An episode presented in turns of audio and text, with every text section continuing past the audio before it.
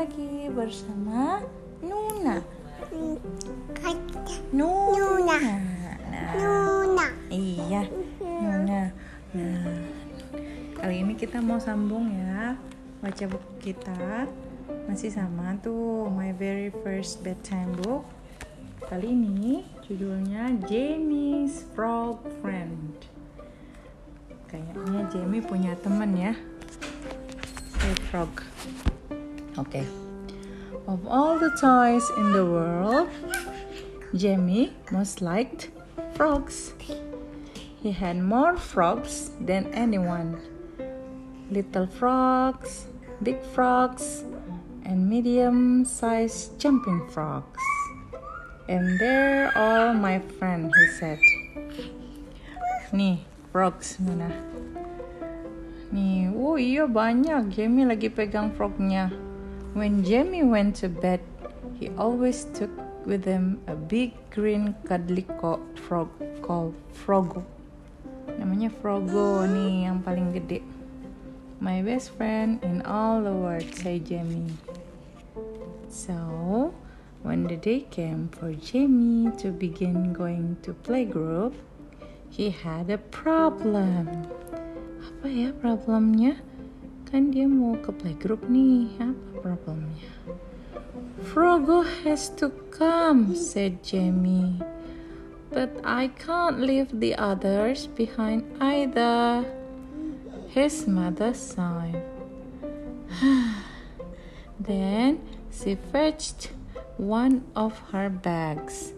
The frogs will like green, she said. Jamie packed all the frogs. There's still space for more. Jalan-jalan mereka, he said as he and his mother walked to playgroup. Dia berjalan ya. So, I can have more frogs. Maybe, said his mother. The playgroup leader was called Beth. She loved Jamie's frog. She found a chair just the right size for Frogo. Come and join the circle now, said Beth. Find out what we're, we're going to do today. Jamie didn't want to. He said with Frogo.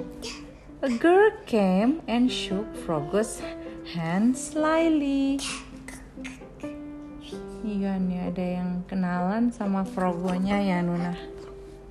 Jamie didn't go out to play with the others. He sat on green beanbag and talked to all his frogs. I'm talking to my friend, he said to Beth. Jamie didn't want to go to playgroup ever again. His mother bought him a new frog, just like Frogo, only tiny. She said its name was Frogotini and it loved going out. But Jamie knew that Frogotini was just something to make him go to playgroup without the rest of his frog friend. Hmm, Jamie curiga sama ibunya. That morning, he sat in the circle of boys and girls, clutching Frogotini. The shy girl used her little finger to shake Frogotini's tiny hand. Hello, what is your name? Hello. Nih.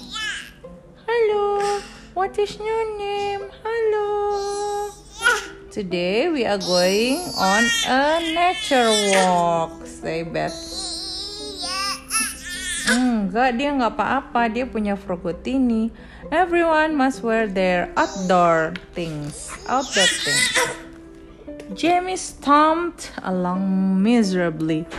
He didn't see anything. He didn't hear anything.